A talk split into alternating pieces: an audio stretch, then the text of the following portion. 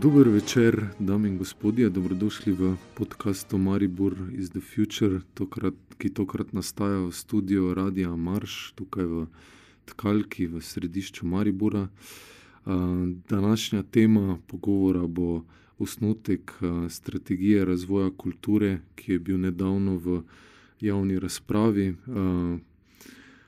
Strategija razvoja kulture obravnava kulturno področje v mestu od leta dva tisoč dvaindvajset do leta dva tisoč šestindvajset. Nastajal je v od sedmega septembra lanskega leta, ko je občina sklicala strokovno komisijo, ki je delala na dokumentu. Sestavljali so jo doktor Karolina Babič, ki je danes tudi naša gostja. Pozdravljena, Karolina.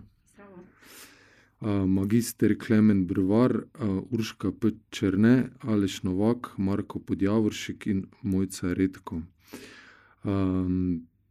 v samem opisu strategije piše, da je pri pripravi bilo pregledanih in analiziranih sto osemindvajset opisnih odgovorov na vprašalnike in šeststo štiriinšestdeset odgovorov iz ankete za širšo javnost. Pripravljeno gradivo je potem komisija sedmega maja predala Uradu za kulturo Mestne občine Maribor.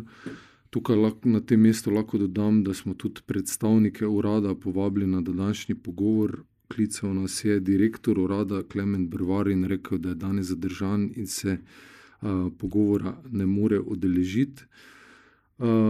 potem pa je v bistvu štirimesečna luknja bila, strategija je bila poslana v javno obravnavo septembra za trajanje meseca dni. presenečeni so bili številni, ki so sodelovali pri nastajanju, še posebej v kulturnem centru Pekarna, kjer se je nekako izgubila v dokumentu dikcija, da je kulturni center vezan na trenutno lokacijo, torej na lokacijo nekdanje vojaške pekarne, kjer deluje že tri desetletja. Več o tem nam bo povedala članica programskega sveta Urška Breznik. Pozdravljena, Urška. v današnji pogovor smo povabili tudi članico asociacije oziroma strokovno vodjo Asociacije Polono Torkar, ki je žal v tem trenutku obstala v prometu na avtocesti med Ljubljano in Mariborom, zato bomo pogovor z njo vključili v drugem delu tega podcasta. asociacija je sicer pripravila kar petnajststransko analizo tega dokumenta, tako da ostanite z nami do konca, ker se gotovo obeta zanimiv drugi polčas te debate. Gremo zdaj najprej k našima sogovornicama. Karolina, mogoče nam poveš, postopek izgleda zelo kompliciran, dolgotrajen. nam lahko mogoče na kratko orišeš, kako je nastajal dokument in kako je prišlo zdaj do te zadnje oblike, ki, ki smo jo dobili v javno obravnavo? Ja, najprej hvala za povabilo na ta pogovor. Mogoče za uvod, da pojasnim svojo vlogo v komisiji za pripravo strategije. Jaz sem bila povabljena kot ena od članic, članov komisije, in sem bila povabljena, da v komisiji sodelujem z vidika družbene in socialne problematike, tudi metodologije priprave področja nevladnega sektorja, se pravi, da prihajam iz te civilne družbe in da pač zastopam ta vidik ter da prihajam strokovno iz področja, kjer pač lahko prispevam nekaj z metodološkega vidika, ne. Torej lahko zdaj govorim tu nekako v svojem imenu kot, kot članica, pač nimam, hočem povedati, nimam pristojnosti, da zdaj v imenu naročnika strategije, se pravi občine, karkoli govorim, ne. Tako da ja, kot članica komisije, mislim, moram tako reči, da po eni strani se zdi kompleksno, pač ta proces, ko smo bili vključeni in smo mogli nekako zastaviti metodologijo, meni se zdelo pač najbolj pomembno in tudi skupina se je strinjala, komisija, da smo šli zelo precej participativno. Pač lahko bi še verjetno bolj, ampak mislim, da smo šli precej, s tem, da smo pač število teh vprašalnikov in tega si že pač omenil. Delali smo tudi pač delavnice, pogovore, srečanja v živo, tako da mislim, da smo zbrali z terena dosti inputov, uh, hkrati smo tudi metodološko pač malo drugače zastavljeni, sicer to, da ne bi obravnavali po področjih delovanja kulture in umetnosti v smislu likovne, glasbene, ampak da bi uh, horizontalno pač zastavili neke ključne problematike in potem nekako celovito nagovarjali. Ne. Uh, to je bila ideja. Ja, proces je bil zelo dolgotrajen. Zdaj, dobra plat je bila ta, da mislim, da smo kot skupina vseeno ok funkcionirali. Slaba plat mogoče je bila ta, da smo imeli premalo vključenih iz čistih konkretno nekih področji delovanja ljudi. Ampak ker je bila skupina mala, smo zato mogoče se lažje premikali skozi. Kar se pa potem na koncu pač, ok, dali smo od sebe nek dokument, osnutek, konec aprila. Kar se pa je potem zgodilo, glede vprašanja, zaradi katerega v bistvu se zdaj tu danes pogovarjamo, skupina, komisija za pripravo strategije, smo se strinjali okrog točke Pekarne, da je Pekarna kot kulturni center vezana na prostor, da je potrebno pač ohraniti jo na tej lokaciji in da je potrebno ponovno oživeti model upravljanja, ki je bil leta dva deset sprejet na mestnem svetu. smo se strinjali tudi okrog tega, da ne gre samo za zavezo občine, da je tudi uporabnike Pekarne treba pritegniti k zavezi, da se pač mogoče tudi posodobi model, da se pač tudi pričakovanja izrazijo do uporabnikov, se pravi za obe strani, ampak vsekakor, in to smo tudi zapisali v tisti osnutek konec aprila, da pač Pekarna mora ostati na tej lokaciji in da je treba, model upravljanja ponovno oživeti, tudi če z nekimi modifikacijami, ne. potem pa po tistem v bistvu kot člani komisije, nismo več bili vključeni v nadaljnje postopke, se pravi, urad je vzel ta dokument, Klemen Brvar kot direktor urada je bil tudi vodja naše skupine, ki je pripravljala osnutek, in je to šlo pol na občini po uradih in v neke spremembe in je prišlo ven konec avgusta za javno razpravo in takrat sem jaz tudi potem videla novo verzijo dokumenta, ki pač te dikcije v zvezi s Pekarno ni ohranila, ampak je dikcija, vemo, pač taka, da omogoča v bistvu tudi neke druge scenarije, ne, kot je selitev, izpraznitev in podobno, ne, s čimer se pač kot skupina takrat nismo strinjali, prav nasprotno, ne. To je zdaj mogoče tako en, en tak, povzetek s poudarkom na tem vprašanju kulturnega centra Pekarna. Ja, mogoče kar odpremo to vprašanje pa se potem vrnemo nazaj na širši, dokument. ker to je, se mi zdi, trenutno najbolj pereče, vprašanje, tudi v mestu. Urška, kako ste vi sprejeli, to, da v bistvu so odpustili tako, odprto, da v bistvu niso sprejeli Pekarne na prostoru, ki trenutno deluje? predvsem pa uporaba jezika se mi zdi tukaj ključna, ne, razlaga, ki je napisana v strategiji, zveni lepo in vključujoče in, optimistično, ampak v bistvu so noter cake, ki dopuščajo različne razlage, ne, če preberemo en izsek: "MON prepoznava pomen, vlogo in mestotvorni značaj programov in vsebin, ki so se umeščale in razvijale na področju, KC Pekarne in bo tudi v prihodnje, zagotavljala ustrezne prostorske in finančne pogoje za njihovo kontinuirano izvajanje." mogoče en komentar na to, no. Ja, mi, v bistvu je, programski svet in pa tudi uporabniki, uporabnice Pekarne in vsi drugi v bistvu, ki bodisi izvajajo, programe v Pekarni, so občinstvo dogodkov, uporabniki in tako dalje, smo seveda bili zelo presenečeni, bi pa mogoče rada opozorila na to, da ker se v tem času, tem dolgem, dolgem času, ko smo čakali na objavo osnutka strategije za javno razpravo, se je slišalo, da bo verjetno Pekarna umaknjena iz strategije, ampak potem, ko je ostala v njej, se nam je zdelo pač tako zelo komično in zelo zelo, v bistvu, ja, zelo komično, da je, ja, da je poglavje ostalo, čeprav tudi če bi bilo izbrisano, ne bi nič pomenilo, no, kajti to, kar si prebral, ta odstavek, da bo že nadalje, mislim, takoj, takoj zaslišimo, da je prestavljeno v pretekli vse skupaj, ne. potem pa piše, da še bo nadalje občina podpirala finančno in pa prostorsko programe in vsebine, ki so se odvajali, odvijali v kulturnem centru Pekarna, kar v bistvu ne pomeni nič drugega, kot da bo objavljala javne razpise, na katere se tako že vsi zdaj prijavljamo, ne. to ne pomeni, da bo podpirala vsebine in programe, ki nastajajo v Pekarni. Mislim, to nima nobene zveze, mislim, nič ne pomeni ta odstavek. Tako da, eh, ja, mislim, Kar se je nam zdelo pač eh, najbolj šokantno, je v bistvu to, da občina najame uh, oziroma povabi strokovnjake in strokovnjakinje, da spišejo strategijo, ti si pomagajo z um, anketami, raziskavami in tako dalje. In kljub temu, in na, na, glede na to, pripravijo seveda zaključke um, strategije, ampak kljub temu je potem vodstvo občine si drzne pač povsem spremeniti. Eh, določena področja, mislim, da govorim v bistvu o poglavju kulturnega centra pekarne, uh, tako kot oni mislijo, da bi moralo biti, zaradi tega, ker imajo z njo čisto druge načrte. No.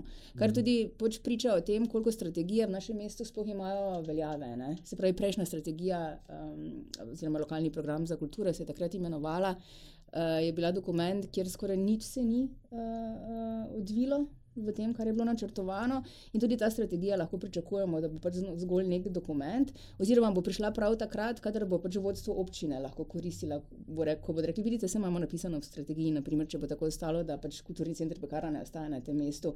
Medtem pa, ko bomo opozarjali na kaj drugega, kar piše v strategiji, pa pač. Ne bodo upoštevali, ne? ker ni zakonsko obvezujoč dokument, samo, to so smernice. Um, in je tudi problematično to, da se te smernice spreminjajo, oziroma se upošteva strategija ali, ali ne, odvisno pač od vodstva. Se pravi, nimamo nekega načr ne, načrta, kako kulturo podpirati naše mesto, da naročno, ampak vsak nov župan, ki pride s svojimi ožjimi sodelavkami, sodelavci, pač si na novo zamisli in ne upošteva nič, kar je prej nastalo. No. Mm. Uh, tako da to je morda nekaj, kar je zelo, zelo problematično. Uh, kar se tiče.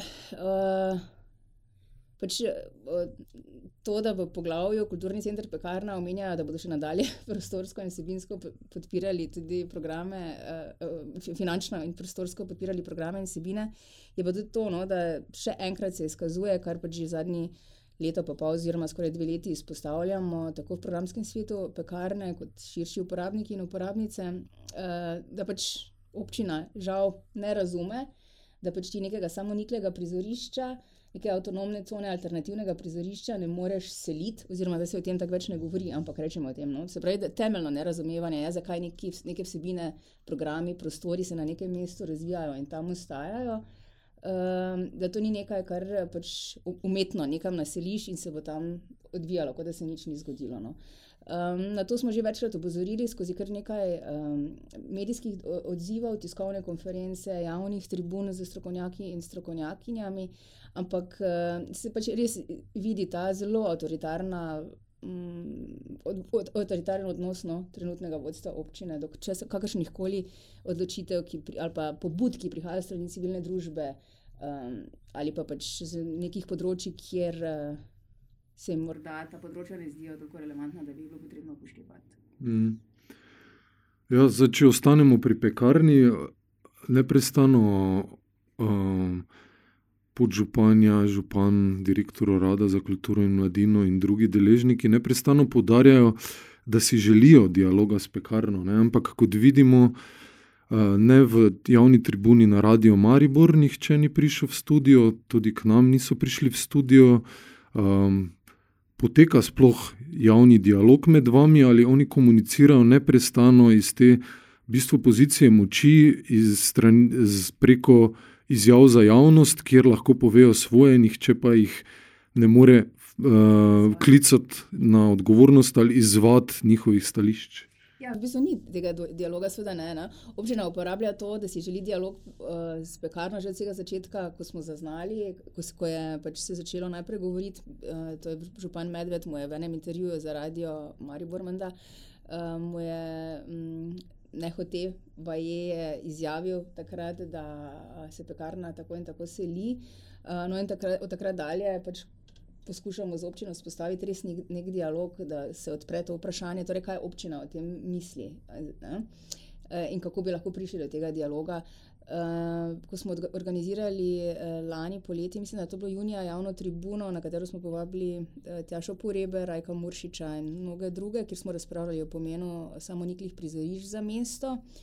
Uh, smo povabili seveda tudi uh, župana, ki je pač se ni udeležil uh, te javne tribune, prišel je uh, podžupan Reichenberg. Uh, in to je pač, mislim, da edinkrat, uh, poleg enega intervjuja z večerom, kjer je, bila, kjer je sodelovala uh, Alenka Iskra, uh, kjer smo se pogovarjali. Ampak že v tem intervjuju, ki smo ga imeli skupaj za večer, se je izkazalo, da občina pač dialog razume tako, da pač pekarna pristane na to, da se seli. In nič drugega. Dialog pa tam naprej. Da, da to je dialog. In tudi, ne vem, če ste bili na predstavitvi dokumenta, snutka strategije razvoja kulture, je bilo podobno, ko smo z drugim predstavnikom.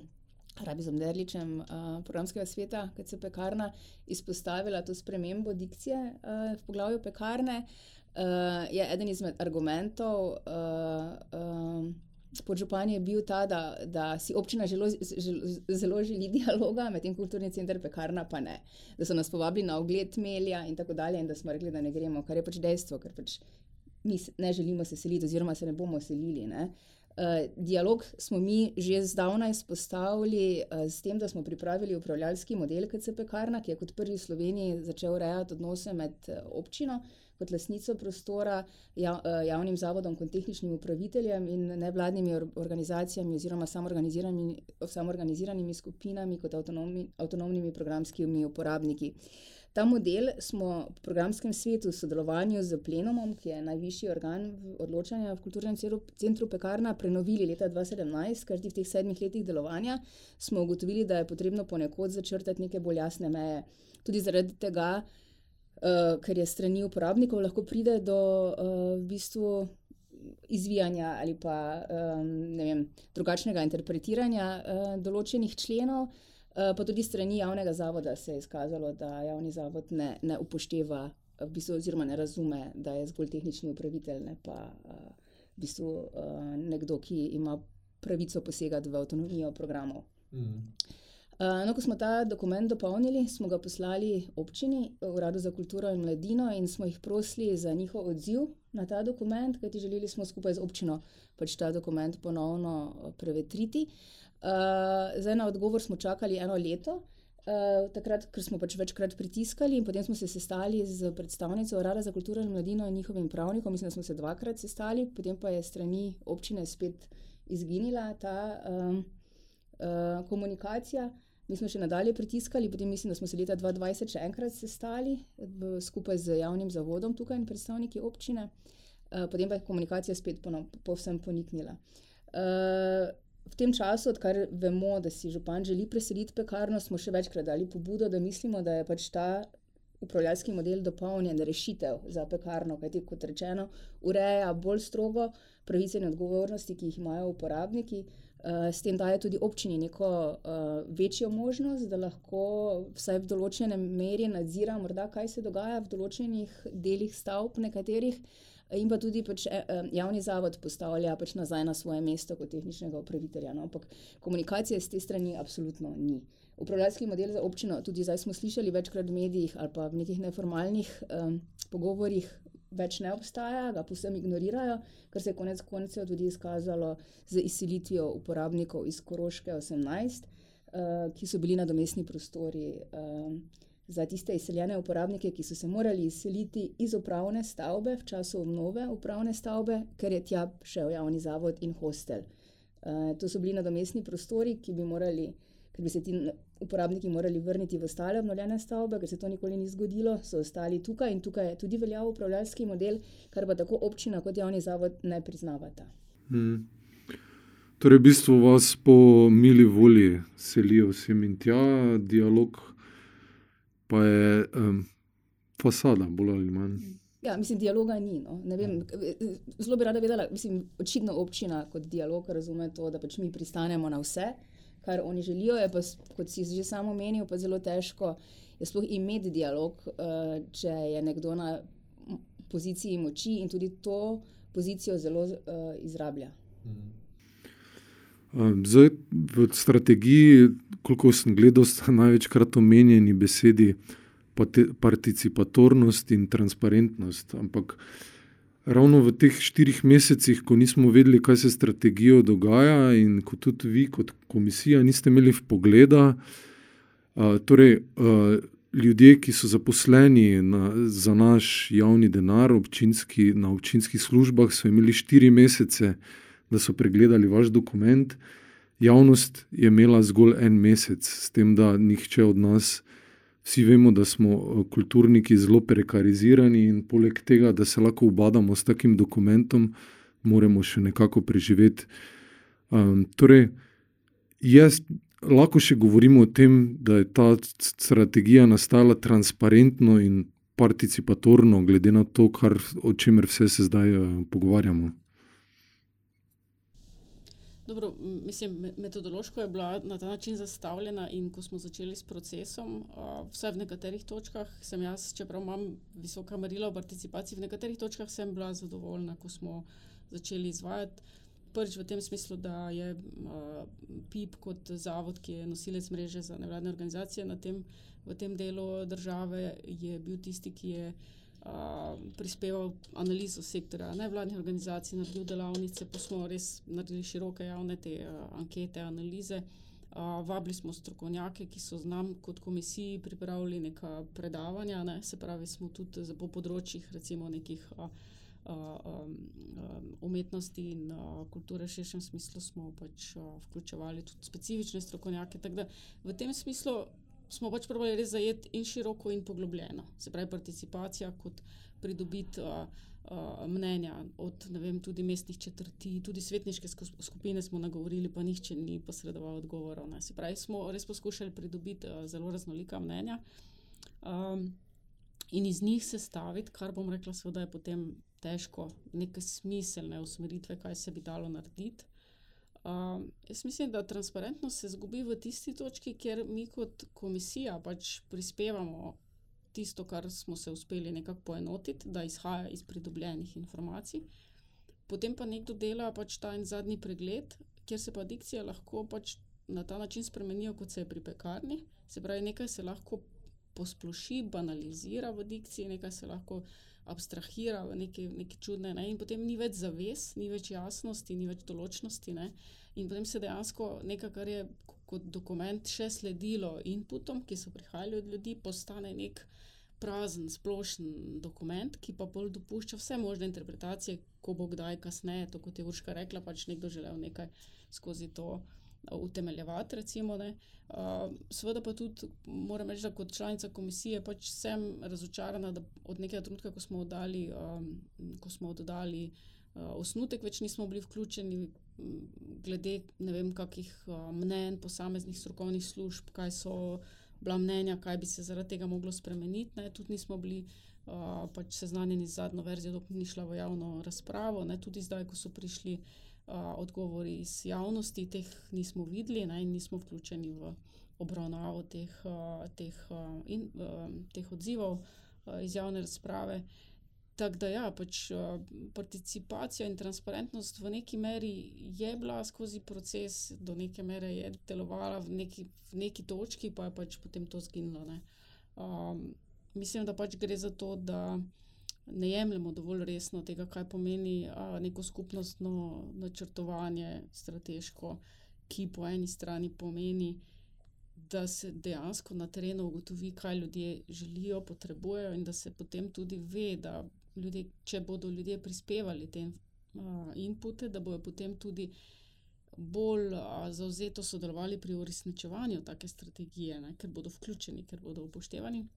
In pač tisti odločevalci politični, ki tega ne razumejo in potem take procese prekinejo in svojo uh, neko, um, recimo, nek solo pogled uh, potem prelepijo čez vse to. Mhm. Uh, pravzaprav izgubljajo ta potencial skupnostnega nekega razvoja ne? in pač grejo tisto svojo solo igro. Ne? Jaz mislim, da sta to dva popolnoma različna pogleda na neko politično vodenje ali pa razvoj nekega mesta. Ne. Da gre za to, da vodstvo občine ima očitno, pač konkretno župan, popolnoma drugačne predstave o tem, na kak način se načrtuje uh, ali pa na kak način se zamišlja mesto pa življenje, kot ga imamo tisti, ki na terenu. Delamo bolj v civilni družbi, v nevladnih organizacijah ali pa konkretno ne, nekih, na nekih področjih. Ne. In to se je tu pokazalo, potem, ne, kako je naenkrat pač cel proces priprave strategije v bistvu uh, padel čez ta rob uh, ne, iz, iz, iz tega participatornega procesa v zgolj, aha, na koncu bo pa nekdo to prečisto, pa bo naredil zadnjo verzijo, pa bo to to. Ne. Kar seveda ni ok. Pa to morda še, da je bilo zanimivo na predstavitvi osnutka strategije v Veterinskem dvoru, ko je več udeležencev, udeleženk spraševalo, kaj bo končni kriterij. Se rekel, bodo podani komentarji pa predlogi na strategijo. Kaj bo končni kriterij, kateri predlogi bodo upoštevani, kateri ne. In so bili predstavniki, predstavnice občine, ki so bili prisotni, očitno zelo v zadregi, ker so nekaj časa bila tišina, potem pa je bil odgovor, ja, izvedljivost. In potem, ko smo spraševali, kaj pa pač konstituira za ta koncept izvedljivosti, pa niso znali povedati. Tako da tudi to se mi zdi, da je zelo problematično, da niso, da nimajo, da ni jasno, v bistvu, na podlagi česa bodo neki predlogi sprejeti ali ne. Ja, mislim, na tej točki bi dodal, da smo tudi mi, Urad za kulturo in mladino, teden dni nazaj zaprosili za vse javne predloge in komentarje na osnutek strategije razvoja in kulture in jih niso želeli z nami deliti, ne, čeprav naj bi šlo za javno razpravo in čeprav smo medij, ki želimo k tej razpravi prispevati. Rekli so nam samo, da je prišlo dvesto šest predlogov, sedemnajst na temo Pekarne, niso, gospod Brevar pa ni želel nič komentirati, kakšni so, ampak da bomo samo videli končni rezultat tega pregleda. Mogoče dodam, da bomo vztrajali, no, želimo videti vse, vse predloge, in želimo jih primerjati, po različni, različnih fazah, koliko jih je dejansko prišlo v končni dokument, in upamo, da bo do tega prišlo, ne. jaz bi še na tej točki vprašal, Karolina, tebe. Je še, še v kateri drugi točki spremenila strategija oziroma ta osnutek, razen v, v Pekarni, kjer ste mogoče zasledili, da ni v skladu s tem, kar ste, vi želeli s tem dokumentom sporočati? ja, primer Pekarne je pač, ker je izrazito, da je dikcija taka, da pravzaprav za neko pereče vprašanje omogoča popolnoma spreobrnjeno različico, zaradi tega je toliko bolj problematična. Zdaj jaz stavek po stavek primerjave nisem delala, priznam. spremembe, ki so me pač malo zmotile, so bile tiste, ki rahlo posplošujejo. Jaz osebno kot članica komisije sem si želela na primer v točkah, razvoja upravljavskih modelov teh centrov, ki nastajajo, Center Rotovž, Minoriti kot neka četrt umetniška in pa že obstoječ ta sklop, nekih prostorov, ki jih upravlja Narodni dom, Maribor. Moj osebni input v skupini je bil, ker prihajam s področja, ke me zanimajo zelo ti upravljavski modeli, čim bolj participatorni, je bil, da se zastavijo neke smernice že v samem strateškem dokumentu, kako upravljati te centre kot neke sisteme, kjer so not javni zavodi pa uporabniki iz NGO-sektorja pa neki arbitrarni, občasni uporabniki, ki so tudi iz zasebnega sektorja in tako. Kako narediti upravljavske modele, ki bodo čim bolj participatorni, vključujoči, raznoliki in tako.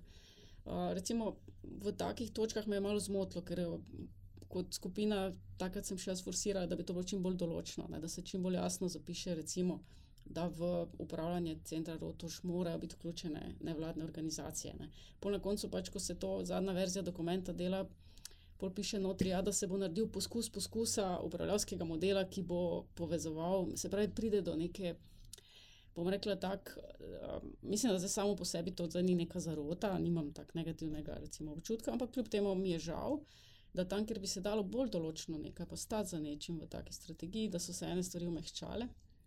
Tako da s tega vidika recimo, par takih točk, kjer bi jaz želela, da bi bolj določna dikcija ostala. pa to, kar me je malo razočaralo, mi nismo bili vključeni, ko se je delal, v bistvu finančne ocene, ne, pri nekih, pri nekih ukrepih so se dodale potem na koncu še neke številke, recimo, da se bo sto tisoč na leto dodalo za neke programe. Tam mi nismo imeli, to, to je preprosto naredil urad sam z vodstvom občine, nismo imeli, mi nobenega dostopa ali pa nobenega sodelovanja pri, kvantificiranju, pač teh ukrepov nismo, nismo bili zraven, ne, tako da dejansko potem tudi neke stvari, ki bi se jih dalo s tem, kakšen obseg recimo sredstev in te stvari, ne, to so neke zadnje stvari, ki so not prišle, recimo številke, na katere nismo imeli vpliva. tako da, kar je normalno, ne, pač na koncu koncev, ne, ni prav, ampak je pa pričakovano, ne, da bojo pač, številke dopisali na, na, na občini, ne. Um, tako da, ja, neke manjše, se pravi, manjše, neke spremembe, ublažena dikcija, recimo, ki je meni pač žal, da je taka, da ni bolj zavezujoča, ostala, uh, so še noter, ampak tako radikalno, pač kot je pri pekarni, ker gre res obrnjeno. Um, se pravi, jaz ne bi bila zgolj negativno nastrojena, tudi ne do um, ostalih um, članov komisije. In tako mislim, da smo nek, neko prizadevanje dali v to, da bi našli nek način, kako zapisati strategijo, da bi čim bolj horizontalno zajeli stvari in nekaj narediti. Uh, ampak zagotovo sam postopek, proces, kako se zdaj ta obravnava strategije zaključuje. Pa neko mehčanje, recimo, dikcije v zadnji verziji, uh, pa sploh ta sprememba s pekarno je pač vrlo zelo, zelo negativno luč tudi uh, uh, tudi v mojih očeh, pač ne do tega procesa. Um, ja, no, toliko. Uh, ja, mogoče še to, ker um, mi smo tudi sodelovali pri prejšnjem dokumentu, ne, lokalnem programu uh, kulture, ki mislim, je Pipo ugotovil, da več kot v tri četrtinah sploh ni bil izveden. Uh, koliko ste um, zasledili na nek, kako bi rekel, odpor pri samih kulturnikih in kulturnicah, ki več tem procesom, ravni zaradi tega, ker uh, take strategije postajajo dosti krat mrtva črka na papirju, uh, da bi sodelovali ne, pri oblikovanju teh strategij. Um, se mi zdi, da marsikdo si ne želi več vzeti časa ali pa ne želi pri tem sodelovati, zato ker vidi, da to nima učinka, in mogoče da ne ostanemo samo pri tem, kako bi bilo možno doseči, da v bistvu te strategije postaje, ne, postanejo za nek zavezujoč dokument, torej da nekdo odgovarja, če se ne izvedejo. Ja, mislim, strategije dejansko so zavezujoč dokument. Uh, uh, je pa to malo prepuščeno ljudem, če se ta interpretacija in sicer. Uh, načeloma je tako, da strategije so, so izhodišče, kadar se sprejemajo, kadar se pripravljajo recimo javni razpisi. Vemo, da če se recimo prijavljamo na evropske razpise, mi moramo v argumentaciji, ko se recimo, če se kot neke nevladne organizacije prijavljamo na razpise, moramo pokazati, kateri strateški dokumenti v Sloveniji podpirajo našo to aktivnost, ki jo mi prijavljamo. Ne. Se pravi, strategije so globalno gledano v smislu recimo v nekem evropskem kontekstu in pa uh, so, nek, so nek del pravnega sistema, seveda pa so ta mehki del, ne, se pravi, niso, to niso klauzule kot v, v, v zakonih. Ne. In um, kadar, recimo, bom rekla, se tičejo neke higiene političnega načrtovanja, ne, se pravi, če imamo mi vodstva politična, ki rečejo, mi bomo skupaj zasto, zasna, zasnovali nekaj in to, kar bomo zasnovali, je zavezujoče. Ni zavezujoče tako, da bomo šli na sodišče se tožiti, je pa zavezujoče tako, da če tega ne uresničimo, nas ne rabite več izvoliti naslednjič, ali pa je zavezujoče na ta način, da bo del delovnih nalog naših zaposlenih, ki če tega ne bodo izvedli, pač ne, vem, ne bodo napredovali, bodo ne, nazadovali, ne vem kaj. Ne. Pravi, gre za ta vsebinsko mehki del, ki je vezan na organi, organiziranost, ne, ne toliko na, na zakonodajo. Tako da mislim, da strategije same po sebi imajo neko zavezujočnost če, uh, ampak se tiče tega, da se mi temu zavežemo kot ljudje, ne, ne glede na to, kje smo, kaj delamo. Ne. In mene je presenetilo, meni, jaz, sem, jaz sem tu zadržana do strategije, ne, zato ker pač se potem vedno zgodi, da nič ni z njih. Večkrat sem bila vključena v kakšne strateške procese in vedno znova s tem grenkim občutkom grem v to, ker si mislim, da tu nekaj izgubljamo čas in energijo in denar. In, um, Ampak se je izkazalo, da so ljudje kar sodelovali. Jaz sem bila presenečena, da te delavnice, ki so bile iz, izvedene z nevladnimi, uh, z, z organizacijami iz nevladnega sektorja, pa samo zaposlenih v kulturi in z javnimi zavodi, uh, je, so ljudje dobro sodelovali, super dali inpute. Tudi ta splošna javna anketa je imela veliko število odgovorov, nadpoprečno, nad pričakovanji. Uh, Slabši odziv je bil od nekih takih skupin, kot je recimo mestne četrti ali pa uh, svetniške skupine, kjer smo želeli pač pretipati tudi recimo nekaj čisto specifične dobiti. To je bil slabši odziv. Um, tako da ni bilo tega vnaprejšnjega zadržka, ah, ne bomo prispevali. Ne. Ljudje mhm. so veliko prispevali k pripravi strategije, tako z nekim resnim inputom. Uh, pa ta širina, v bistvu, ki smo zastavili, da ne pišemo o enem področju, kam naredili za glasbo, kaj za film, kaj za, ampak da res tako horizontalno, kako je treba cel sektor podpreti. povezati, preplesti, zagotoviti neko participacijo. Vse zato je še toliko bolj na koncu boleče, ne? ker smo želeli, da bi uvedli neke take horizontalne spremembe v področje, ki bi potem na dolgi rok vodile k izboljšanju. Ker zgolj povišati denar, pa zabeležiti neko strategijo z imenom, ni dovolj. Ne? Treba je nekako sistemsko ali pa način, kako deluje sektor kulture v mestu, zastaviti tako, da bo na dolgi rok rojeval boljše rezultate za vse. In to smo si nekako želeli vzpostaviti, je pa dosti potem nekega grenkega priokusa prišlo s tem, da pač je to padlo nekako v ozadje kot neka zgolj atmosfera tega dokumenta, ne. Tisto, kar je pa v ospredju, pa je potem neke pavšalne okrogle številke, nekdo je na koncu rekel sto tisoč tu pa dvesto tisoč tam pa, pa recimo ta sprememba s Pekarno, ne, ki mislim, da pravzaprav odvzemajo tisto, kar pa je vrednost dokumenta, ne, da smo poskusili pač tako res horizontalno in, in sistemsko nekaj drugače si zamisliti, ne. In smo nekako kot skupina upali, da, da bo, da bojo to tisti ključni rezultati tega, tega dokumenta, ne. Urška, koliko ste vi mogoče v tem procesu nastajanja tega prvotnega osnutka sodelovali kot člani KC Pekarna in koliko se vi tu čutite tudi izigrani, glede na to, da ste prispevali k samemu dokumentu, ki se je zdaj na koncu spremenil v nasprotju s tem, kar ste pričakovali?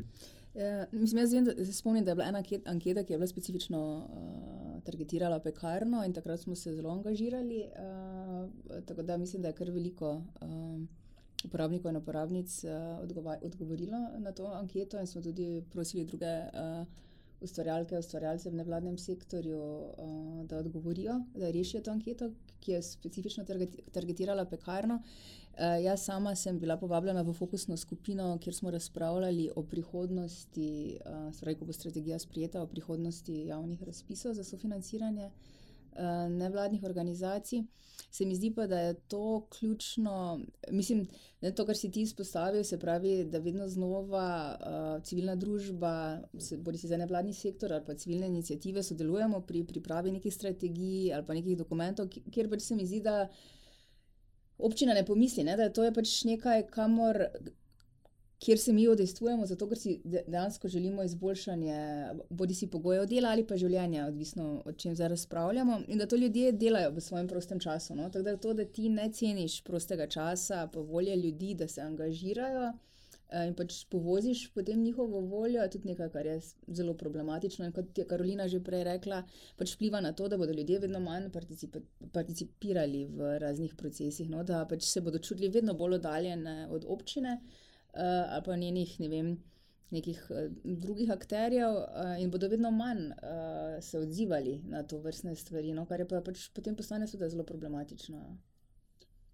Ja, problematično tudi z vidika pač demokratičnosti, ne, delovanja občine, kar je tudi, mislim, na koncu pridemo do tega, da v bistvu oni lahko rečejo, odločevalci, mestna uprava, da pa javnost ne želi več sodelovati, da ni več za dialog, da ni ona participatorna, čeprav so v bistvu s svojim delovanjem ravno oni ključno k temu prispevali, ne. Mislim, ja, to je pač nekaj, kar je treba, mislim, saj to saj vidimo, da se to dogaja tudi na drugih področjih, na primer participatorni proračun, takoj ko občina izvaja participatorni proračun, se mora ne, zavedati, da pač če so ljudje pripravljeni sodelovati, potem voljo ljudi potrebno upoštevati oziroma skupaj z njimi priti do neke zelo dobre rešitve ali pa kompromisa, neke zgolj take pavšalne razlage, ne, spet smo pri tem kriteriju izvedljivosti tudi tukaj, kaj se ne da narediti, brez da ti temeljito razložiš, zakaj na primer ne. pač ti, ti odgovori ne bodo zadostovali in bodo kvečjemu odganjali ljudi od, kot rečeno, participacije. Ja, pa izvedljivost je tudi pač koncept, ne, ki vemo, kateri parametri so noter, ne, ogromno od politične volje do finančnih prioritet in tako naprej je zadaj, ne, tako da izvedljivo pač ali pa neizvedljivo je vedno odvisno od, ne, od političnih odločitev, volje pa usmerjenosti sredstev, ne, tako da je lahko hitro zlorabljen ta pojem, ne. Nismo več na ravni neke strokovne debate, ne, ampak v bistvu politične volje, da se to izvede, ne. Mogoče še samo za konec. V bistvu smo zdaj dve leti že brez strategije. Ne? Prejšnji LPK je trajal do 2020, zdajšnji bi se naj, zdajšnja strategija bi se naj že izvajala 2022, ampak tega dokumenta še vedno ni, hkrati ugotavljamo, da je tudi zelo paušalen. Kaj, kakšne posledice ima to za kulturno področje v mestu, da ne delujemo strateško? Mislim, mislim, da so posledice vidne, no? vedno znova. Od tega, da se uh, ad hoc spremenjajo razpisi, razpisni pogoji, ko nobenemu ni jasno, zakaj in kako, uh, in potem tudi vidimo, kakšni so rezultati teh nenadnih sprememb, ki niso premišljene, uh, do tega, da se krčijo prostori uh, za nevladne organizacije z področja kulture in tudi druge, seveda. Do tega, da ne glede na to, koliko govorimo o tem, da ne želimo podpirati tudi občina sama prekarizacije v tem sektorju, se to vedno znova in vedno bolj dogaja. Tako da cel kup posledic je, če pač nimamo neke vizije, posledično strategije, kako uh, razvijati kulturo v mestu ali pa pač druga področja civilne družbe oziroma nevladnega uh, sektorja. Mhm. Ja, in vsekakor se prepušča pač neke odločitve nekim prvič lahko nekim hitrim rešitvam, ker mogoče niti nihče noče nič slabega, ampak samo poskuša tako na hitro nekaj ad hoc, ad hoc rešiti, da naredi katastrofo. To je bilo letos za razpisi, ker se ni se naredila cela reforma razpisov, ampak kar nekaj na pol in potem je bila, mislim, škoda povzročena. Čeprav v predlogu strategije se mi zdi, da je dosto upoštevano, kar smo na tisti delavnici. Ne? Strani eh, nevladnih organizacij ugotovili, da so razpisi prilagojeni, ampak morajo biti celovito in usklajeno eh, in pričakovano. Ne? To so pomembne stvari. Ali pa recimo tudi to pomembno poglavje so prostori v strategiji.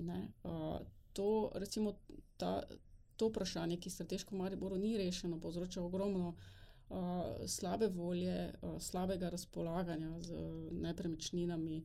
Uh, nepotrebno, ker v bistvu jaz mislim, da na terenu dejansko pomankanje prostorov ni tako strašno, če bi se občina zavedla, kaj se da narediti z prostori, ki so, če so popisani, če so sistemsko nekako razdeljevani, da ljudje vejo, kje pričakovati, kaj se da dobiti, začasna raba, da je urejena ne, in take stvari.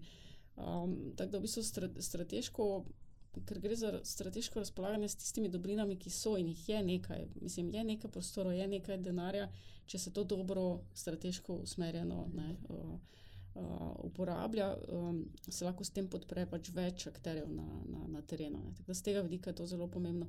Drugo vprašanje pa še to politično. Ne?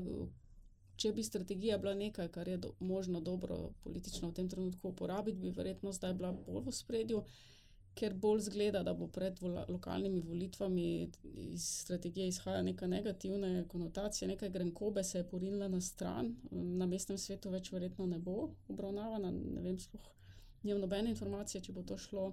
Ne, pravi čas, še kam naprej, lokalne volitve so pred vrati, tako da bi se dejansko se s tem pač kulturo zdaj malo izvzema iz, tudi iz javne razprave v predvolilnem času. Ne. Mislim, da s tem, ko se ta strateški dokument tako odriva in da ima to tudi eno politično, mogoče, če ne bi bilo letos volilno leto, bi obravnava pa priprava strategije tekla drugače.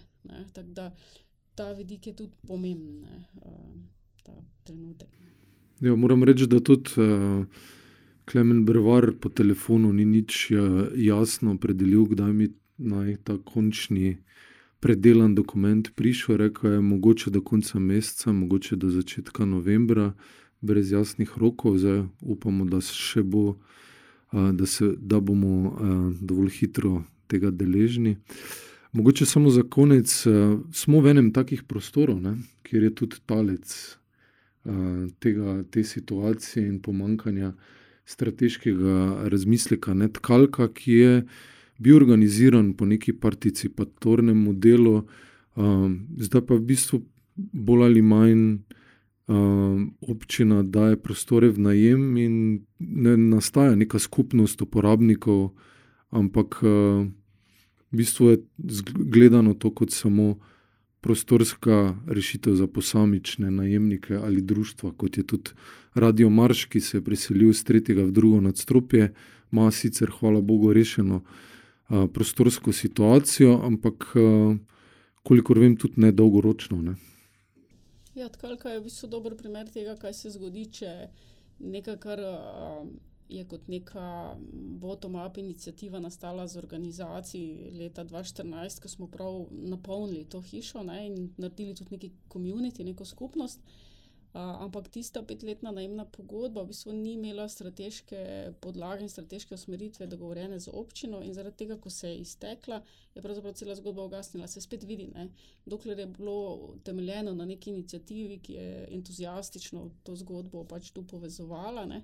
Ker smo takrat uh, pač imeli to energijo, tisti na terenu, nevladne organizacije in skupine, inicijative. Uh, ko pa je bilo treba rešiti strateško, dolgoročno z občino, da je pa se zadeva pač padla. Ne? In tu se tudi vidi, da mi se malo ne maramo strategij, pa malo smo, mogoče je to neka nacionalni karakter, ajde v navednicah, ampak uh, doskrat se nam to maščuje. Ne? Če bi tako strateško umestili, bi danes imeli nek prostor, ki bi verjetno, si upam reči, no, rojeval nove inicijative, podpiral nek kulturni, družbeni razvoj v mestu, ampak bi rabo to, pač strateško umestitev, uh, kjer bi občina videla plus v tem ne? in svoje mesto in pač organizacije na terenu, tisti svoj del. Uh, ja, hvala vam za to debato. Uh, zdaj upamo, da bo Polona uh, Torkar uspela še pravočasno priti, da posnamemo drugi del te debate, pa bomo šli tudi podrobno skozi analizo uh, asociacije. Um, zaenkrat pa gremo na odmor, pa se vrnemo k malu. Hvala, Karolina, Urška. Hvala, hvala tebi.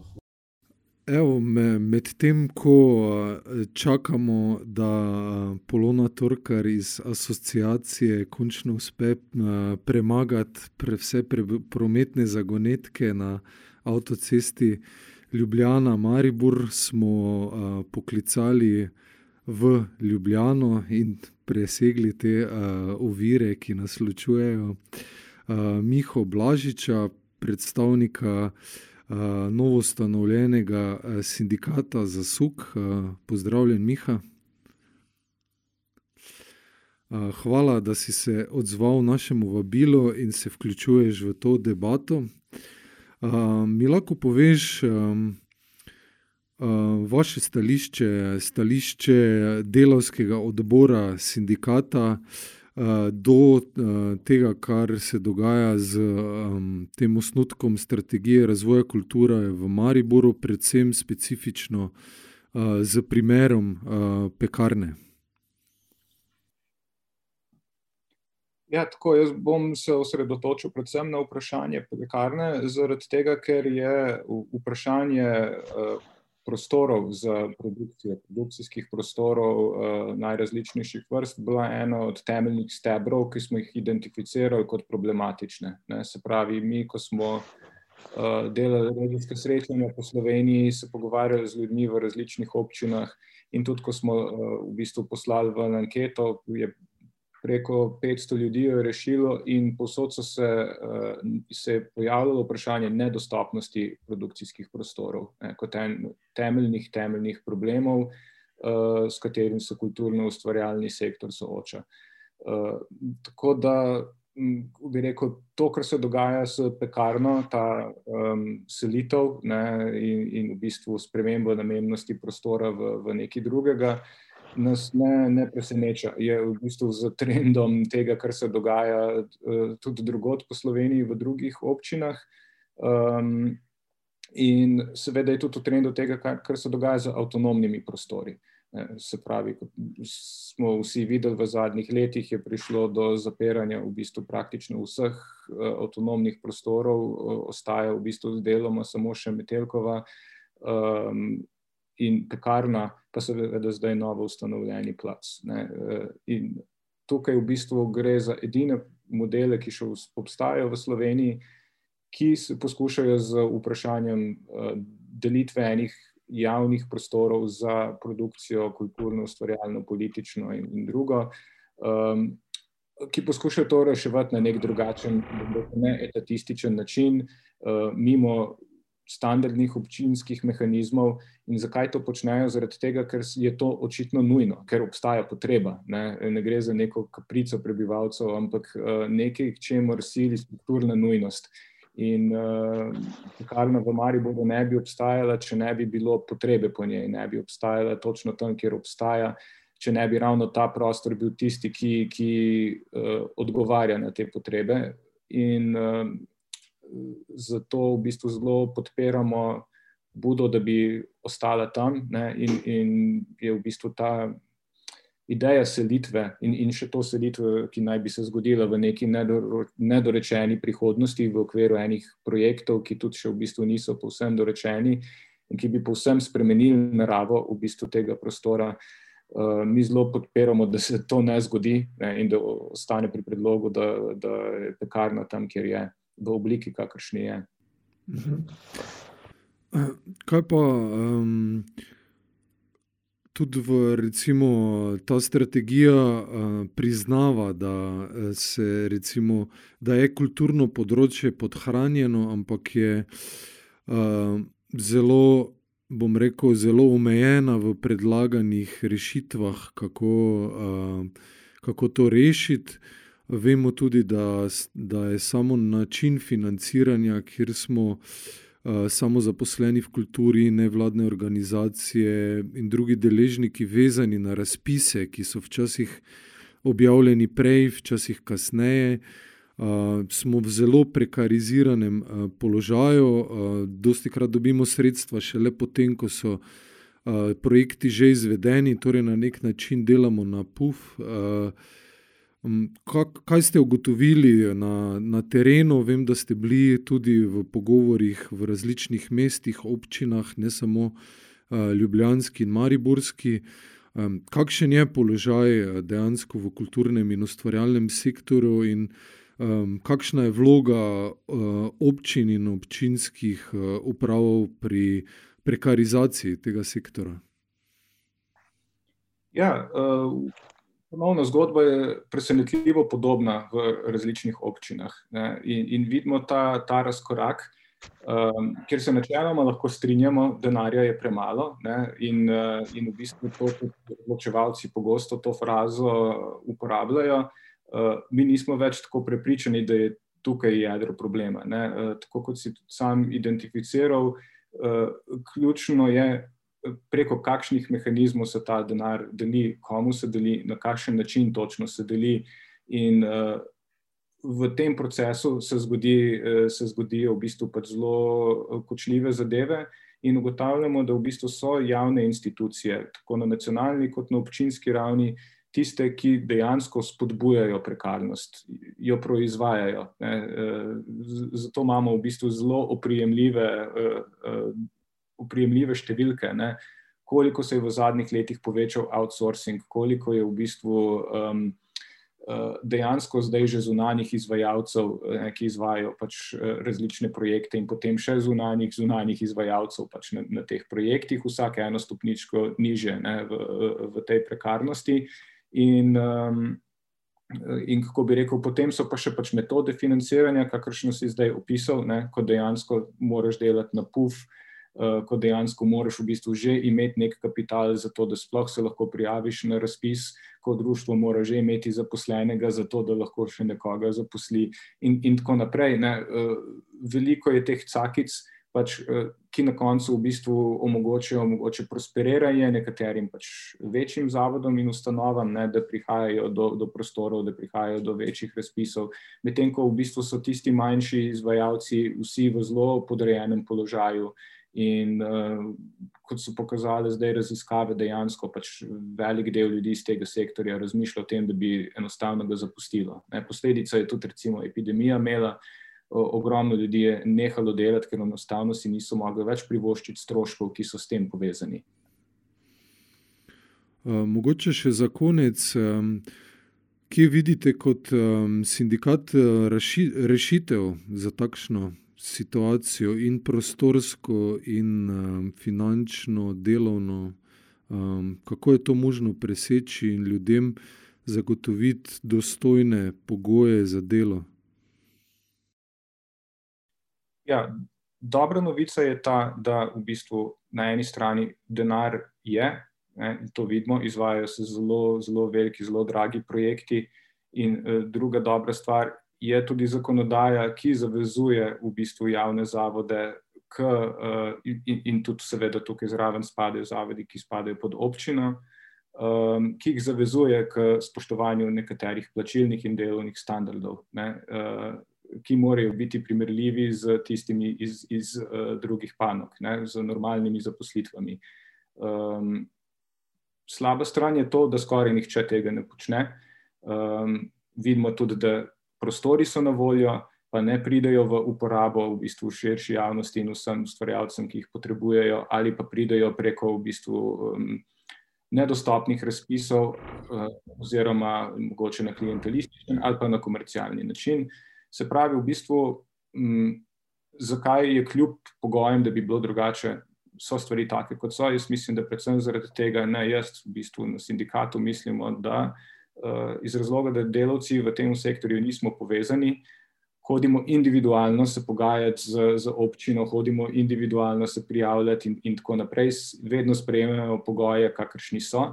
Ne, zaradi tega, ker v bistvu nismo teh stvari skupaj sploh nikoli artikulirali in postavili nobenih drugačnih pogojev za naše delo. Ne. In to je tisto, kar hočemo z povezovanjem delovcem v tem sektorju spremeniti. Prav, mislimo, da je tukaj ta prvi korak da presežemo to individualno pogajanje in kdo lahko kam pride zraven in komu bo uspelo pač kaj potegniti iz naslednjega projekta, ampak kako končno pride do tega, da se pogajamo kolektivno za izboljšanje pogojev v celotnem sektorju. In to velja še kako tudi na občinski ravni in glede uporabe javnih prostorov. Mhm. Uh, okay, um, hvala, Miha, za, za to izjavo, da si se vključil v, v našo debato. In, uh, srečno z sindikatom, želim čim več eh, članov in članic in čim več uspešnih akcij za izboljšanje pogojev za vse nas. Hvala za povabilo in veliko sreče pekarni. Evo, končno je z nami tudi eh, strokovna vodja asociacije Polona Torkar eh, po štirih urah cijazenja po cestah med Ljubljano in Mariborom. Pozdravljena, Polona pozdravljen, ja, res končno. Ampak eh, čeprav ta pritisk, ne, da, da nisem mogla sodelovati v razpravi z, z kolegicama, ne, ker bi me zelo veselilo, uh, je nekoliko, uh, mislim, nadomestilo to, da pač lahko pomagamo pač, prispevati v Društvo za asociacije k debati okrog kulture v mestni občini Maribor. Tako da izjemna hvala za povabilo. Eh, ja, hvala, da, da si se odzvala, prišla v Maribor, eh, kljub ekstremnim razmeram, prometnim. Eh, pa dajva kar začeti.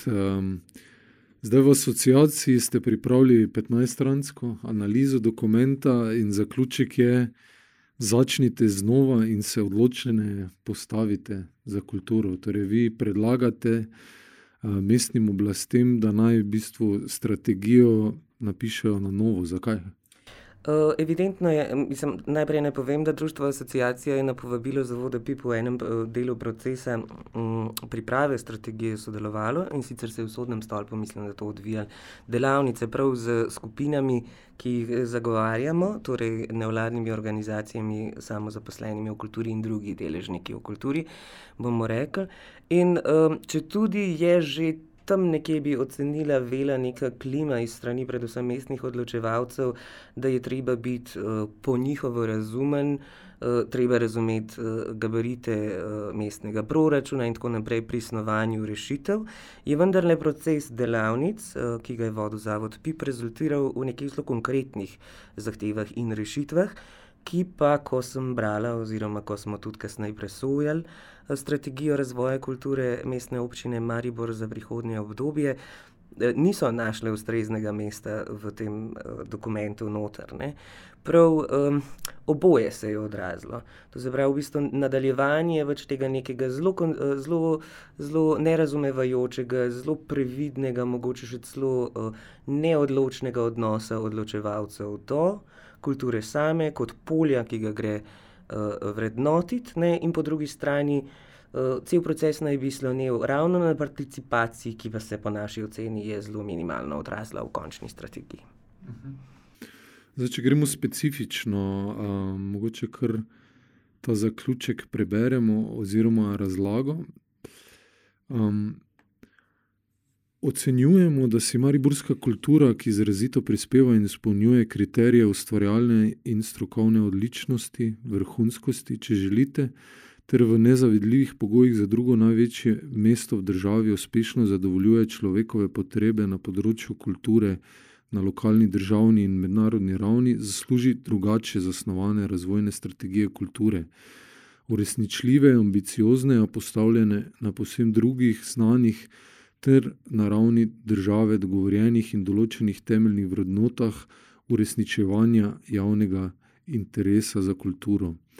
Zato najprej pozdravljamo, da je MOM prepoznala in oblikovala nekatere pozitivne cilje in ukrepe za razvoj mariborske kulture, na to pa MOM pozivamo, da v želji zagotoviti kar največjo mero legitimnosti LPK MOM 2022-2026 v želji oblikovati kakovostno, učinkovito in uresničljivo strategijo, ki naslavlja najbolj temeljne razloge za stagnacijo in manjko ustreznega razvoja področja v polju kulture v MOM, ter je kot taka tudi prepoznana, pri čemer si deležniki aktivno prispevajo k uresničevanju v njej umeščenih ciljev in ukrepov, ki izpolnitvi vizije dokument vrne na raven usklajevanja z deležniki in stroko prisluhne naj jim z odprtimi ušesi in jih v največji možni meri upošteva, se odpove uveljavljanju lastnega razumevanja kulture in z njim povezanih interesov, izdatno premisli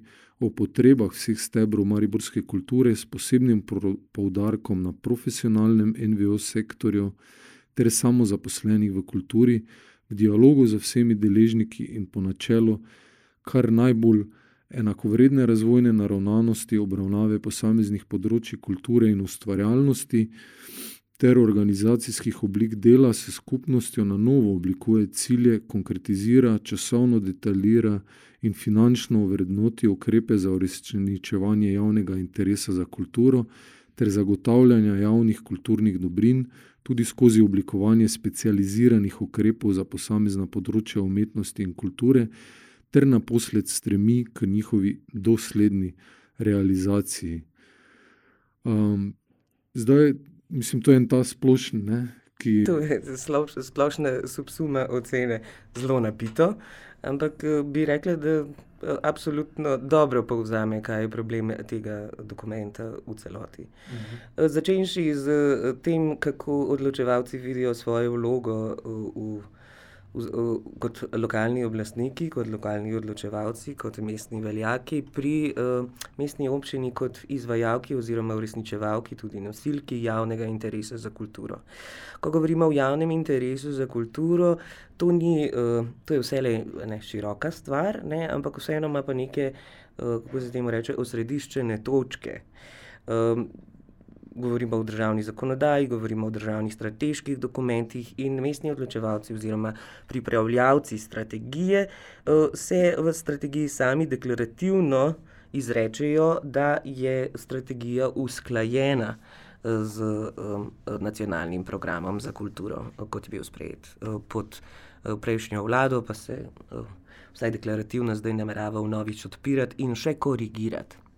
V tem smislu je verjetno ne, nekoliko eksotično ali pa nekoliko uh, preveč svobodno, uh, da se pač mestne oblasti v taki meri samostojno odločijo, kaj je tisto, kar bodo usklajevali s splošnim javnim interesom za kulturo. Po analizi zgolj izbora besed smo v asociaciji prišli do zaključka, da mesto uh, interes, javni interes za kulturo vidi predominantno v kulturnem turizmu in v uh, povezavi kulture z gospodarstvom, deloma tudi v kulturno-umetnostni vzgoji. Ko govorimo o povezavi kulture z gospodarstvom, govorimo o, tej, o, tem, uh, o tem relativno novem terminu, kulturno-ustvarjalnem sektorju, ki je seveda neobhodno del današnje kulturne in ustvarjalne.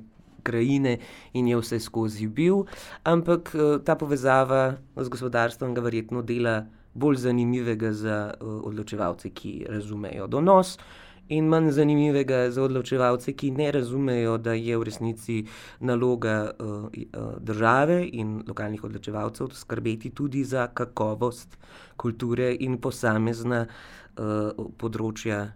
Ustvarjalnosti, ki nujno niso vselej popularna, ki nujno niso vselej donosa, so pa temeljna uh, ne samo za pač skladen civilizacijski razvoj znotraj države, v mednarodnem smislu, za tako tradicionalne in osrednje vrednote, kot je našo lastno identiteto, razvoj naše miselnosti, pa tudi za druge učinke, kot je socialna kohezija, ljudje pač želijo to vrstne stvari ustvarjati, jih ustvarjajo premišljeno in se na ta način tudi miselno in skupinsko povezujejo. Kohezija, blagostanje, vse to so lahko uh, dobrobiti kulture, ne zgolj uh, popolnjene ulice, ne nujno z lokalnim prebivalstvom.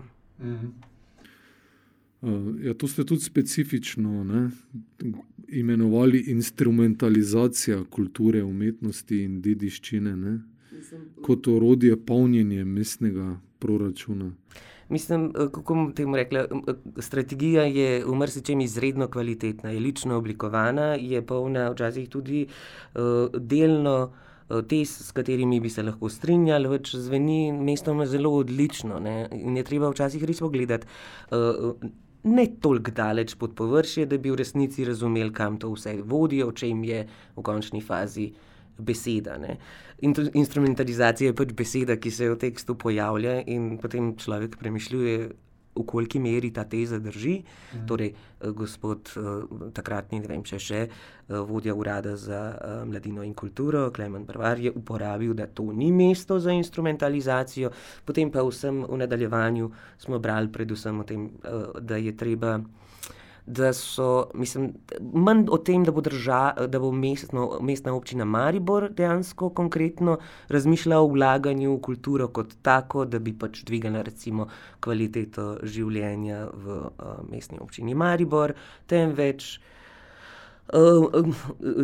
Donos bodo generirali tudi filmari, ker je naše mesto zelo lepo urejeno in je pač to privlačna lokacija, da bi prišli, bomo uh, znižali pač davščine oziroma pristojbine, ki jih je treba plačati, skrajšali postopke.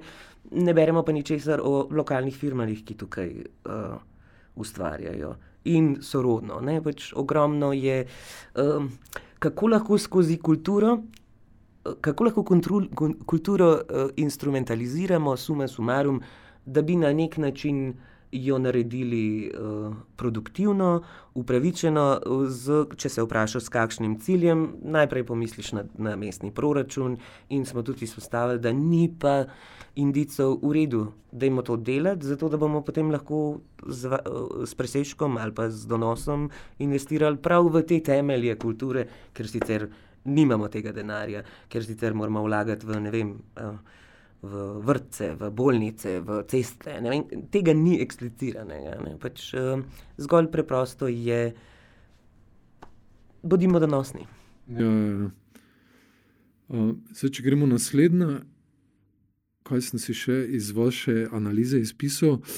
Uh, iz strategije veje tendenca po centraliziranju moči mestnih odločevalcev, prvenstveno skozi Urad za kulturo in mladino, MOM, vodstvo MOM, pa tudi skozi uh, Zavod za turizem Maribor. Na katerih točkah uh, ste to zasledili? Uh, na splošno, pri celi vrsti ukrepov. Uh, mogoče je treba začeti na ta način. Termin strokovno se v strategiji uporablja kar pogosto. In potem, seveda, je nujno pogledati, ne, v kakšnem kontekstu se seveda pač, uh, ta termin uporablja. V društvu asociacij smo, mislim, da kar precej prepoznavni v tem, da pač odločno ustrajamo, ne glede na vladno garnituro in pač obliko uh, organizacije, ne, da pač, ko gre za strokovna vprašanja, naj um, o njih odločajo zgolj in samo tisti, ki lahko svojo strokovnost za predmet dela tudi ustrezno izkažejo in to izključuje funkcionarje, uh, ki so bodi si strokovnjaki za uh, druge. Vidike življenja, ali pa pač funkcionarje oblasti, ker gre za politično funkcijo. Mhm. Pač včasih se zgodi presečna množica, da, da verjetno tudi strokovnjak lahko zasede, recimo v primeru ministra za kulturo, uh, funkcijo. To ne, to ne razveljavi dejstva, da je pač neposredno povezan z politiko. Torej, v primeru mestne občine uh, Maribor, najmanj z mestnim svetom, ki nujno ne razumejo strokovnih vprašanj, in je absolutno nedopustno, da bi se o njih izrekalo. Ukolikor, mislim, strategija je namreč polna organov, ki bodo presojali o različnih vidikih kulture v Maribor, v katerem vsaj v pretežni, če ne v prevladujoči meri, so imenovani posamezniki oziroma se napoveduje imenovanje posameznikov, ki so predstavniki različnih organov, javnih zavodov, mestne oblasti same. To je popolnoma nedopustno. Um, to, mislim, da je je omenjena tudi beseda transparentnost, ne, ki pa se tudi že s procesom in ravno s temi postopki, ki jih omenjate, izgublja. Ne? Absolutno, absolutno. Uh, mislim, da pri čemer uh, se mi zdi, da um, jaz uh, bi verjela v končni fazi, glede na to, kako je ta uh, dokument nastal in kaj v resnici vsebuje, da uh, ne smemo mestnim odločevalcem vzeti. Um, neke dobre mere, dobre volje pri oblikovanju tega, dobre namere pri oblikovanju tega dokumenta. Preprosto, mislim, kot, sem, kot ste, prej prebral, oziroma si prej prebral ne, v tem sum, povzetku končnem, ne, vsebuje tudi ukrepe, ki so. Ki jih lažje umestimo v, v neko sfero korektnega in kvalitetnega in resnično potrebnega odziva na stanje kulture v Mariboru. Ne. Po drugi strani bi pač ocenila, da samo eh, preprosto. Ne, eh, ne vem, mogoče to neko rekno, ne znajo iz svoje kože, ne uporabljajo uh, pravega jezika, ne delujejo v isti sferi, da bi razumeli, da lahko, da kaj pomeni transparentnost za nekoga in kaj je transparentnost za nekoga drugega. Kako se dela, uh, dela ko deluješ na vasi, to se pravi nekje od zgoraj na vzdolj, povsem po, po jasno, ne? ali pa kaj pomeni participativno, zakaj sploh participativno. To se pravi, kako, uh, kdo, kje je moč in kako je legitimizirana, je v resnici dosti krat vprašanje. Namere ne bi nujno vrednotila kot sebe, samo pač po, povsem nekako logično je, zakaj je rezultat ta. Rezultat tak. Mhm. Ker eh, v končni fazi se zdi, da mora tudi kultura služiti predvsem viziji mesta kot takega, ne da bi pač odločevalci. Eh, prisluhnili in poskušali narediti vse, da v čim večji možni meri realizirajo tudi vizijo mesta samega, ne, ne torej zgolj preko. Vse skozi v bistvu preverjati svoj mandat in pač se zavedati svojih omejitev. Polje kulture je specifično ni praviloma donosno. Pač, uh, je, um, vključuje zelo intenzivno skozi mestne četrti, skozi ljubiteljska društva, skozi profesionalne nevladne organizacije, samostojne ustvarjalce, ki jih mimo grede strategija, malo da ne glih tok. Vsaj omenjeni so, naj bomo hvaležni, da so omenjeni. Mm. Pač v tem smislu. No? Uh, kako, kako jih v resnici vključevati in v bistvu ne, zadovoljevati njihove potrebe skozi kulturo. Uh, zdaj, vi kot asociacija, ste predvsem, mislim, vaša funkcija je, da ste zagovorniki nevladnih organizacij in samozaposlenih v kulturi. Um, kak, kako ste ocenili, koliko se ta strategija naslanja in nagovarja probleme te, tega segmenta kulturnih ustvarjalcev, ki Mariboru vemo, že kar nekaj let ustvarja v zelo zahtevnih razmerah, od tega, da so pač razpisi pozni, da so sredstva premajhna, do tega, da se prostori neustano menjavajo ali se uh, izseljuje organizacije iz prostorov. Um, kako ocenjujete, da lahko ta strategija nagovori te probleme?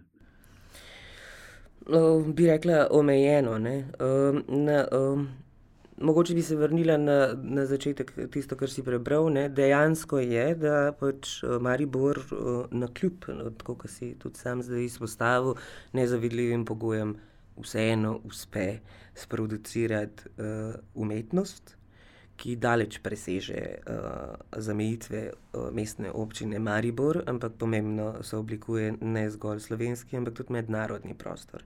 In to je v tem smislu uh, na tem mestu in sicer pač vredno znova in znova ponavljati. Ne. V tem smislu je. Uh, na nek način iz strategije zastrašujoče. Da, mislim, analiza je pokazala, da se NVO-ji kar precej omenjajo. Ampak človek se vpraša, zakaj, ker se jih. Ker se, um, tam je nek ukrep, ne, da bo, bodo dodatna sredstva, ki so bila tudi v prejšnji rundi strategije obljubljena, pa se v bistvu so se bolj ne realizirala. Ne, pač, uh, v kakšni meri se v resnici poskuša bolj uh, neresno naslavljati probleme nevladnih organizacij, kaj šele samostojnih ustvarjalcev, ampak na kakšen način se jih želi pomirjati. Tako da v tem smislu je odnos absolutno neprimeren in seveda tudi nerazvojen. Je pa treba pač oba sektorja, ki sta tukaj bom še enkrat ponovila, povsem neustrezno obravnavana v tem smislu, da se bi jim priznala vrednost, da bi se jim prepoznal uh, potencial za uh, ne samo lokalno delovanje, temveč tudi onkraj tega, zato da bi se vzpostavilo pogoje, da uh, lahko s ustreznimi spodbudami znotraj mestne občine Maribor samostojni ustvarjalci delujejo. Vse to je treba vrednoti v kontekstu, da strategija v resnici. Um, priča o tem, da so težave v razmerjih med mestno oblastjo in med kulturo v vseh sektorjih. Beremo v ukrepih, da ni rednih razgovorov, recimo z javnimi zavodi. Beremo, da so samo nereflektivni, pri čemer um, ne razumemo, kako, kako je, me, kako je pis, uh, pisec strategije prišel do te ocene. Pač vse. Um, Sektor v celoti je obravnavan v resnici kot, da ste, nekaj moramo z vami, ampak dajmo, mislim, neka zelo previdnost, pa hkrati nič konkretnega, nobene odločnosti ni noter. Tako da pač absolutno se strinjam, da je, pač, mislim, da je treba tudi položaj nevladnih organizacij, profesionalnih, pa tudi ljubiteljskih, pa samostojnih ustvarjalcev pač v tem širšem kontekstu to vrednotiti, ne zaradi tega, kaj, manj, kaj bolj razumeti ampak problem je vseeno večji. Brez uh, nekega splošnega spremembe odnosa, brez odločitve, da mestna občina Maribor v kulturo vlaga in ji prisluhne, pač bo težko se popraviti tudi položaj profesionalnih NVO in samostojnih ustvarjalcev. Mhm. Mogoče še za konec, kakšne ukrepe pa, ali pa kakšen pristop pa pred, predlagate oziroma podpirate kako bi taka strategija morala nastajati, kako bi se tudi morala izvajati. Vemo, da prejšnji LPK je ostal večinoma neizveden, zdaj dve leti že nimamo nove strategije, torej ne delujemo strateško, sprejemajo se a, posledično a, parcialne, neusklajene rešitve. Kako vi vidite, kako bi lahko ta postopek teč, da bi do te spremembe prišlo in kakšna je vloga tudi odločevalcev pri tem? Mislim, na, tej, na tem mestu je, bom pač ponovila, kar smo tudi zahtevali. Ne. Razumem, da je ne mogoče, oziroma zelo, zelo težavno, tudi na državni ravni smo kar precej časa bili brez um, nove strategije za razvoj kulture, ne, nacionalni program za razvoj kulture, da je e, precej težko biti brez osnovnega strateškega do, dokumenta. Še, prej, še, še teže je ugotavljati, da v resnici je ne mogoče verjeti v kakršen koli e, kulturno-politični dokument, katerega pač rezolucije oziroma akcijski ukrepi se v taki nizki meri sploh uresničujejo. Ampak uh, tudi prav tako boleče je sprejet, bi bilo sprejeti in pač živeti s takim dokumentom, kot je zdaj predlagan. Zato smo pač predlagali, da se proces začne v določeni meri znova. Veliko smo se vsi, tudi v asociaciji, že naučili iz tega uh, procesa, v tem smislu, kaj so točke, ki jih je treba prediskutirati, kako je treba zasnovati. Ne, mislim, ne na zadnje se lahko pogovarjate tudi o tem, že samo, dajte, da, da mestni odločevalci vsaj odkrito uh, spregovorijo o nevarnostih, problemih, uh, izzivih, uh, ne pač kvalitetah mestne občine Maribor, ki naj bi v osnovi diktirali uh, ukrepe in cilje same strategije. Pač, uh, predlagamo, da se. Eh, mesto s kulturo usede v novič in dejansko se pogovori o možnostih, o lastni viziji, ki bo ne, in transparentno o, o lastni viziji, razlogih za lastno vizijo, brez nekih pretiranih konfliktov. Verjetno ste na temo pekarne, pač brez uveljavljanja lastne volje. Pač, uh, mogoče pa zdaj ne bo na mestu, ampak v uh, enem od intervjujev sem prebrala, uh, da je Zoran Jankovič uh, zatrdil, uh, vezano na, na ukrajinski konflikt oziroma vojno, da je boljše biti pet uh, uh, let za pogajalsko mizo kot en dan v bitki. Zdaj, seveda, lahko to kontekstualiziramo v, v, v mene, pač prav to. Ne? Na nek način bi tudi v, mest, v, v odnose uh, mestnih oblasti, pa tukaj se lahko zelo polemizira, ko pride recimo do, uh, do uh, avtonomnih con in tako naprej. Pač, ampak vseeno, ne, pač, uh, uveljavljanje volje tukaj ni na mestu. Pač, uh, treba je stopiti skupaj in oblikovati rešitve, ki so realne. Eh, odgovarjajo dejanskim potrebam, ki pač se res, resnično pogovorijo in uskladijo okrog tega, kaj je javni interes za kulturo v mestni občini Maribor. In to ni, ne more biti tako enostransko, kot o tem priča pač, uh, trenutni predlog strategije razvoja kulture mestne občine Maribor. Je tudi to, ravno v primeru pekarne, smo ugotavljali, da sicer se veliko govori o dialogu, ta ne obstaja. Kolikor je rekla kolegica iz pekarne, oni želijo dialog spostaviti, ko bodo uporabniki kulturnega centra pristali na njihovo rešitev, ampak to potem ja, ni ja. dialog, to, to je pozicija moči. Ne. Potrdim, to je bil del uh, participatorno organiziranih delavnic. Bil, uh, jaz sem iz tistega nagovora uh, uh, oblastnikov razumela, da na denar ne gre računati, in da se lahko o rešitvah pogovarjamo, potem, ko se oni selijo, ko gre vezano na pekarno. To se mi zdi zelo zanimiv uvod v participatorne delavnice. Mislim, ljudje različno slišijo, ampak. Uh, Mislim, kar se tiče mojega osebnega vtisa, je tisto, kar je determiniralo že vnaprej proces. Pa si želim, da ne bi bilo tako, verjamem, da mestni odločevalci v mestni občini Maribor zmorejo drugače, da ne si kar vzamejo čas in naj pač, uh, naj na zadnje so tukaj zdaj volitve. Pa naj uh, pokažejo, kako so del Maribora, za Mariborčane, tudi tiste, ki delajo v kulturi. Ja, super uh, zaključek. mislim, da bomo tudi nadaljevali z predvolilnim bojem na to temo, tako da bomo poklicali tudi. Uh, naše oblastnike, trenutne in bodoče, na debato o tem. Upam, da se bodo tokrat odzvali, namreč tudi na, v to oddajo niso želeli priti soočiti mnen z uh, vami, ki ste se odzvali, tudi prišli iz Ljubljane, um, povedali svoje mnenje veter. Tako da upamo tudi mi, da bodo bolj sodelovali z nami, predstavniki medijev in dejansko javno razgrnili ne, svoje uh, namere in tudi pojasnili, um, kaj se je za to strategijo zgodilo. Da, uh, hvala, da ste prisluhnili, ne, hvala Polona, da si prispela. Um, hvala Slobodan za tehnično obdelavo, Radio Marš za studio. Um, in ja, upamo, da res um, Maribor is the future. Poslušajte nas še naprej ob ponedeljkih ob 21. uri in hvala, da ste z nami.